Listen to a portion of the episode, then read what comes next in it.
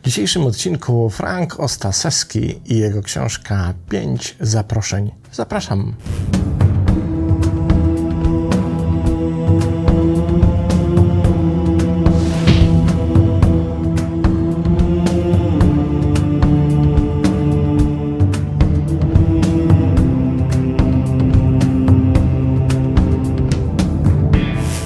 Autora dzisiejszej książki najprawdopodobniej mamy do czynienia z amerykańską wersją polskiego nazwiska Franciszek Ostaszewski, ale prawdę powiedziawszy, nigdzie nie znalazłem źródeł, które by to podejrzenie potwierdzały. Zacznijmy zatem od tego, by sprawdzić, kim jest autor książki. Frank Ostaszewski poświęcił swoje życie służbie i wprowadził tysiące osób do świadomej i współczującej opieki u schyłku życia. Jest nauczycielem buddyjskim, założycielem Instytutu Meta i współzałożycielem projektu Zen Hospitium, pierwszego hospicjum buddyjskiego w Stanach Zjednoczonych. Uczy na arenie międzynarodowej, służy jako konsultant wiodących organizacji opieki zdrowotnej i jest częstym prelegentem na konferencjach od Wisdom 2.0 do American Academy of Hospicium i medycyny paliatywnej. Występował w The Oprah Winfrey Show i był gościnnym wykładowcą w Harvard Medical School, Mayo Clinic oraz Heidelberg University oraz nauczycielem w głównych ośrodkach duchowych na całym świecie. I zanim przejdziemy do pierwszego fragmentu, wytłumaczę, dlaczego zdecydowałem sięgnąć właśnie po tę książkę. Otóż temat śmierci w naszej rzeczywistości jest tematem tabu. Jest bardzo często zakopywany pod dywan. Niechętnie o tym rozmawiamy, niechętnie do tego wracamy, niechętnie się z tym chcemy mierzyć. I tak naprawdę, generalnie, niespecjalnie mamy ochotę, by wysłuchiwać czegoś tak odległego i abstrakcyjnego, jak nam się wydaje, jakim to czymś jest nasza śmierć. Tymczasem oto mamy człowieka, który spędził 30 lat swojego życia w obliczu śmierci, siedząc przy umierających ludziach, opiekując się nimi i towarzysząc im w tych ostatnich chwilach. I tenże człowiek pisze książkę, której dowodzi, że kiedy odsuwamy śmierć z horyzontu naszego myślenia i właśnie zakopujemy pod dywan, to tak naprawdę tracimy dość sporo, bo tracimy rzeczy, których śmierć nas uczy. Ale żebyśmy mogli się nauczyć od śmierci czegokolwiek, a według Franciszka Ostaszewskiego być może, ta właśnie śmierć ma nam bardzo wiele do zaoferowania, musimy zaakceptować jej istnienie. I o tym jest właśnie książka podzielona na pięć części, zwanych przez autora zaproszeniami. Ale zacznijmy od pierwszego fragmentu. Życie i śmierć to pakiet, nie możesz ich rozdzielić. W japońskim zen termin shoi tłumaczy się jako narodziny śmierć. Nie ma separacji między życiem a śmiercią, poza małym łącznikiem występującym w tym słowie, cienką linią łączącą te dwa elementy. Nie możemy być naprawdę żywi bez zachowania świadomości śmierci. Śmierć nie czeka na nas na końcu długiej drogi. Jest tajną nauczycielką ukrywającą się poza oficjalnym widokiem. Pomaga nam odkryć to, co najważniejsze. Dobrą wiadomością jest to, że nie musimy czekać do końca naszego życia, aby uświadomić sobie mądrość, jaką ma nam do zaoferowania. Przez ostatnie 30 lat siedziałem nad przepaścią śmierci z kilkoma tysiącami ludzi. Niektórzy umierali pełni rozczarowań, inni rozkwitli i przeszli przez te drzwi pełni zdumienia. Różnica polegała na chęci stopniowego życia w głębszych wymiarach tego, co oznacza być człowiekiem. Wyobrażanie sobie, że w chwili naszej śmierci będziemy mieli siłę fizyczną, stabilność emocjonalną i jasność umysłu, aby wykonać pracę życia, to absurdalne ryzyko. I oto przed nami pierwsze zaproszenie, czyli pierwszy dział książki, który autor nazywa Nie czekaj. posłuchajmy. Kiedy ludzie umierają, łatwo im rozpoznać, że liczy się każda minuta, każdy oddech. Ale prawda jest taka, że śmierć jest zawsze z nami, integralna z samym życiem. Wszystko ciągle się zmienia, nic nie jest wieczne. Ten pomysł może nas zarówno przerażać, jak i inspirować, jednak jeśli uważnie słuchamy, wiadomość, którą słyszymy, brzmi: Nie czekaj. Przyjęcie prawdy, że wszystkie rzeczy nieuchronnie muszą się skończyć, zachęca nas, abyśmy nie czekali, aby zacząć żyć każdą chwilą w sposób głęboko zaangażowany. Przestajemy marnować życie na bezsensowne czynności, uczymy się nie trzymać tak mocno naszych opinii, naszych pragnień, a nawet własnej tożsamości. Zamiast wiązać nasze nadzieje z lepszą przyszłością, skupiamy się na teraźniejszości i jesteśmy wdzięczni za to, co mamy teraz przed sobą. Częściej mówimy: Kocham Cię, ponieważ zdajemy sobie sprawę z wagi ludzkiego związku. Stajemy się milsi, bardziej współczujący i bardziej wyrozumiali. Nie czekaj to droga do spełnienia i antidotum na żal. Większość z nas przedkłada pocieszenie nad prawdę, ale kiedy o tym pomyślisz, orientujesz się, że pocieszenie nas nie rozwija. Wzrastamy, kiedy uwalniamy nasze lgnięcie do tego, co było kiedyś i nasze pragnienie tego, co naszym zdaniem powinno się wydarzyć. Wzrastamy tylko wtedy, kiedy możemy przyjąć prawdę o tym, co jest w tej chwili. Dojrzała nadzieja obejmuje prawdę, że bez względu na to, co zrobimy lub czego nie zrobimy, wszystko się zmieni. Zmiana jest stała i nieunikniona.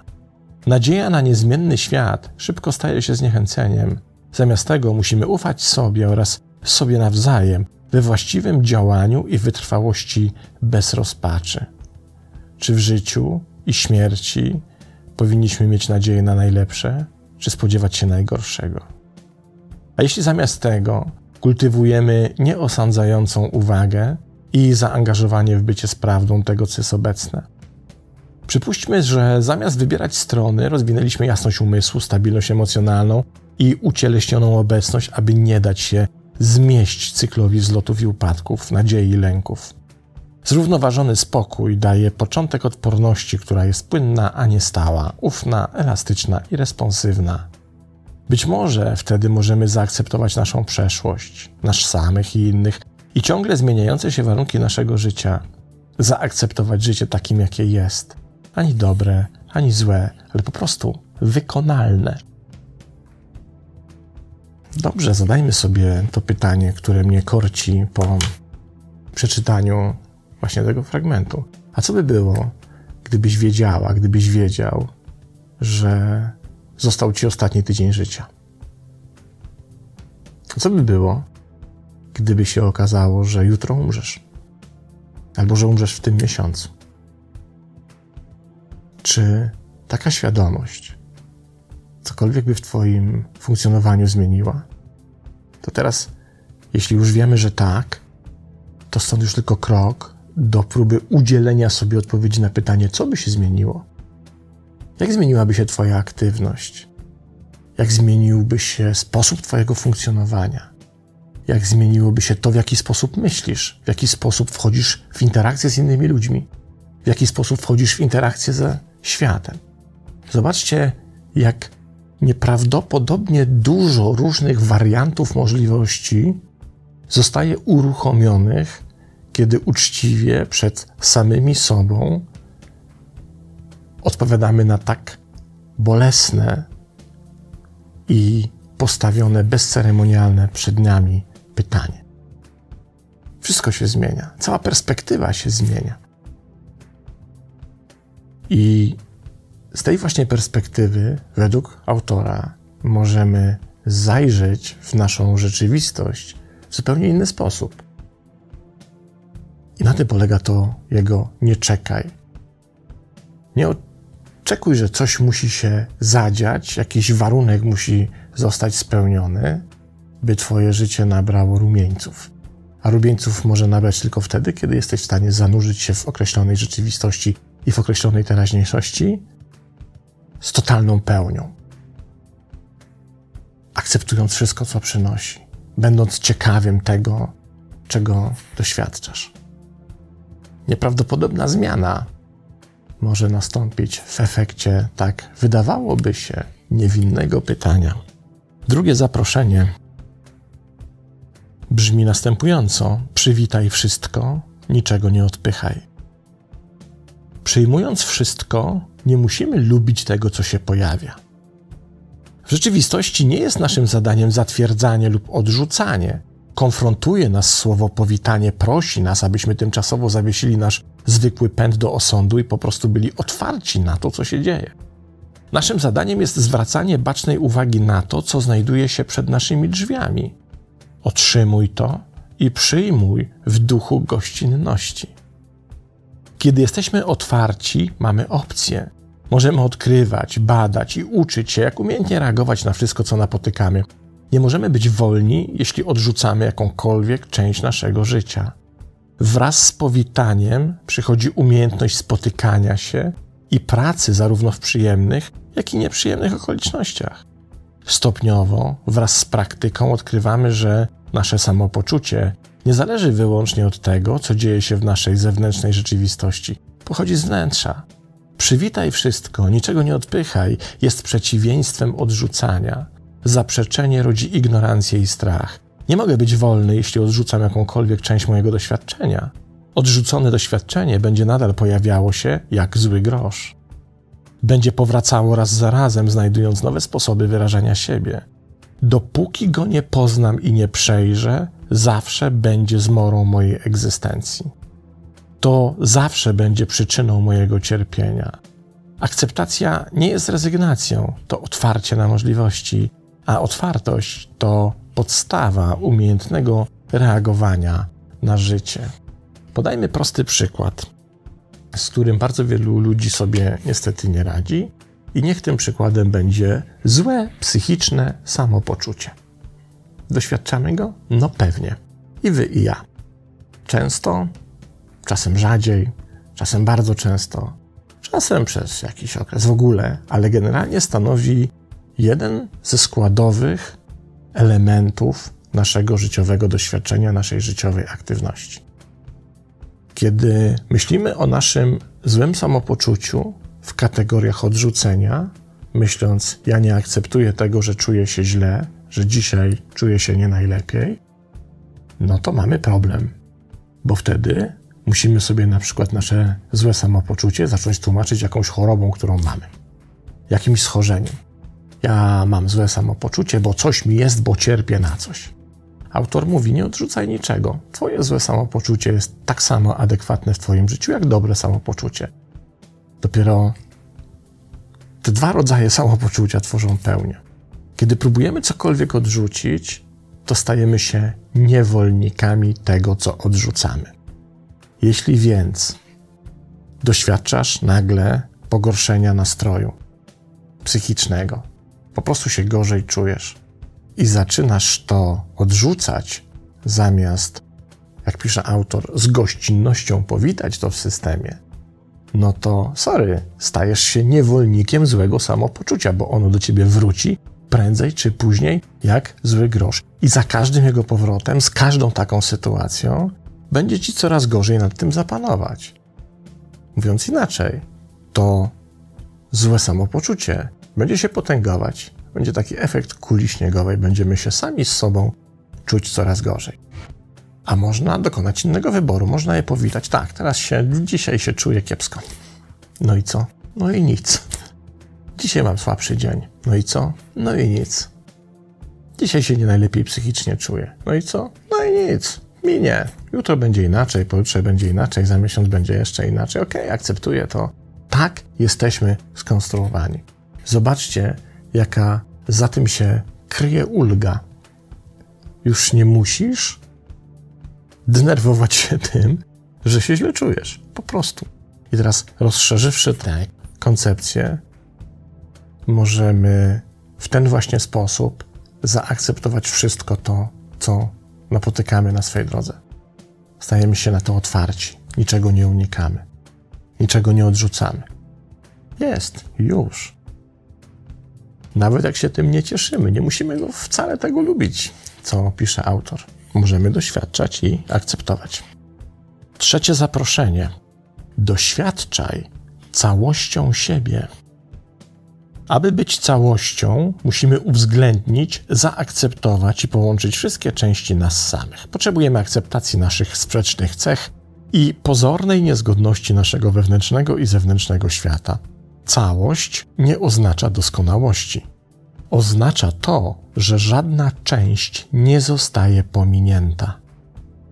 Nie bądź rolą, bądź duszą.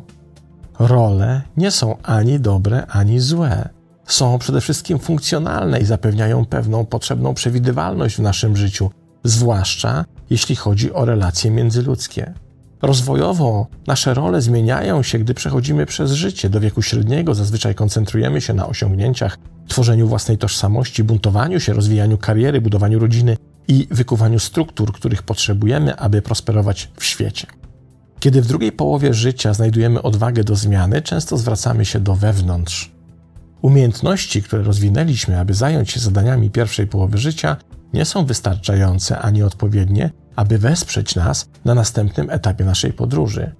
W tym okresie zazwyczaj koncentrujemy się na odkrywaniu sensu życia, obejmowaniu tajemnicy, kultywowaniu mądrości i rozluźnianiu pewnych dążeń.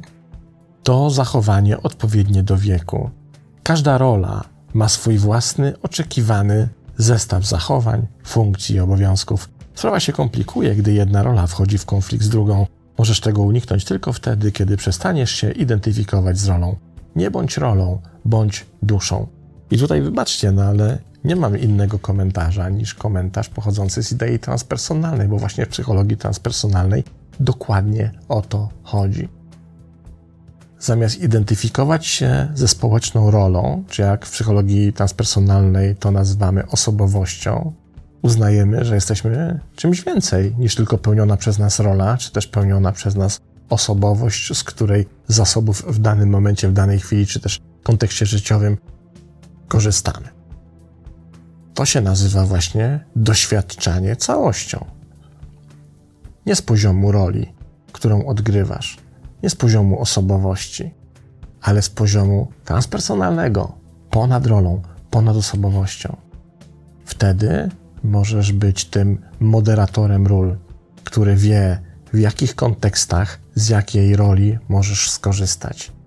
Jakie pakiety zasobów osobowościowych są ci potrzebne w danym momencie, w danym kontekście sytuacyjnym, by osiągnąć najlepszy możliwy efekt, być najbardziej skutecznym w tej roli, z której korzystasz. Co więcej, kiedy jesteś całością, jesteś na poziomie moderatora, czyli na poziomie transpersonalnego ja, jesteś w stanie również zadbać o to, żeby zasoby ról nie przenikały się nawzajem. Czyli mówiąc inaczej, w prostych żołnierskich słowach, żeby na przykład ktoś, kto w danym kontekście sytuacyjnym, zawodowym jest prezesem w firmie, w tej firmie czerpał z zasobów osobowości prezesa, a nie z zasobów osobowości kumpla przy piwie. Żeby na przykład ktoś, kto dowodzi innymi ludźmi, czerpał z odpowiednich zasobów przynależnych do tej roli, a nie z zasobów, które będą nie tyle zaprzeczały, ale będą utrudniały mu budowanie autorytetu itd., tak itd. Tak Na tym właśnie polega to wyjście wyżej, doświadczanie całością. Czwarte zaproszenie. Znajdź miejsce odpoczynku pośród nawałnicy.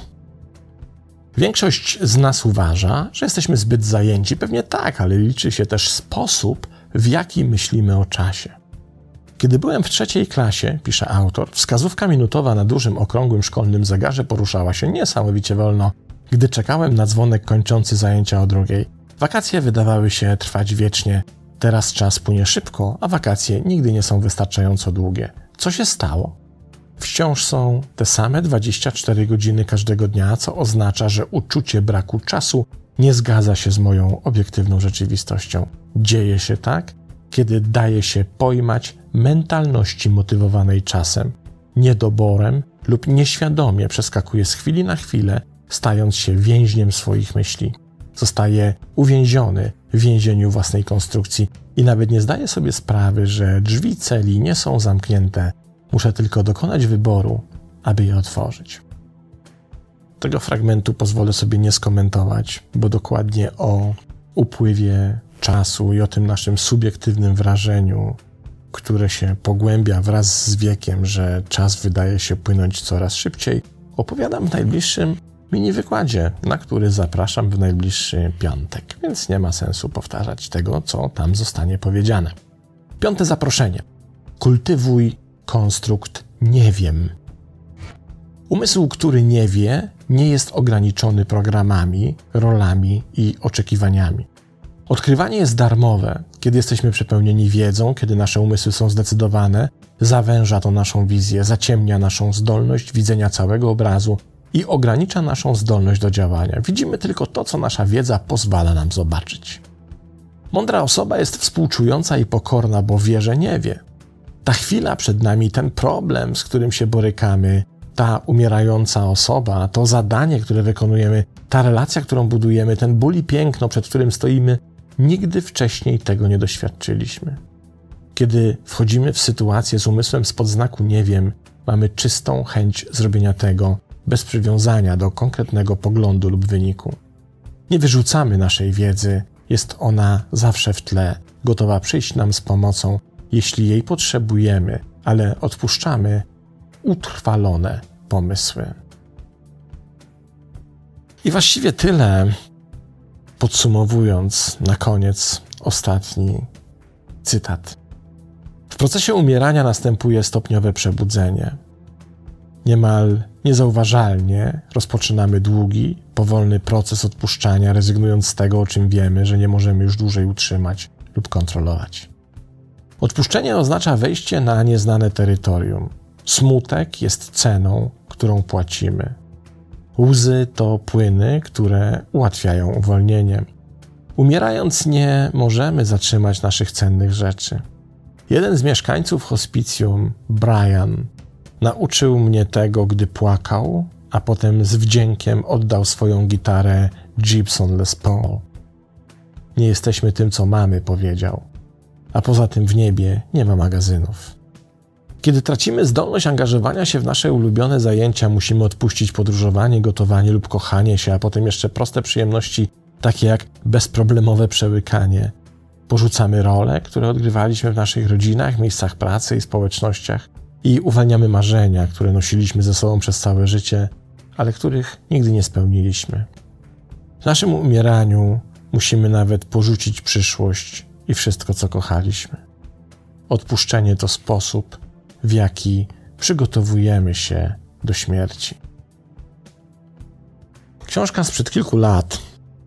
Frank Ostaszewski lub Franciszek Ostaszewski. Pięć zaproszeń. Uczy nas tak naprawdę, że kiedy zaakceptujemy śmierć jako element pakietu, który otrzymujemy wraz z narodzinami, to wraz z tą akceptacją możemy, będąc nieustannie świadomi tego, że śmierć jest nieodłączną towarzyszką naszego życia, możemy się bardzo wiele nauczyć. Możemy się uczyć cenić coś, co jest wielokrotnie ważniejsze niż to, co do tej pory sądziliśmy i co odkrywają ludzie, kiedy już żegnają się z tym światem. Myślę, że warto przyjąć tę naukę, bo może w naszym nastawieniu do świata i siebie samych bardzo, bardzo wiele zmienić. To tyle. Mam nadzieję, że mimo smutnego wydźwięku dzisiejszego odcinka nie zrobiło Wam się na koniec jakoś strasznie smutno, wręcz odwrotnie. Trzeba żyć. Jest później niż się wydaje. To tyle. Pozdrawiam i do następnego razu.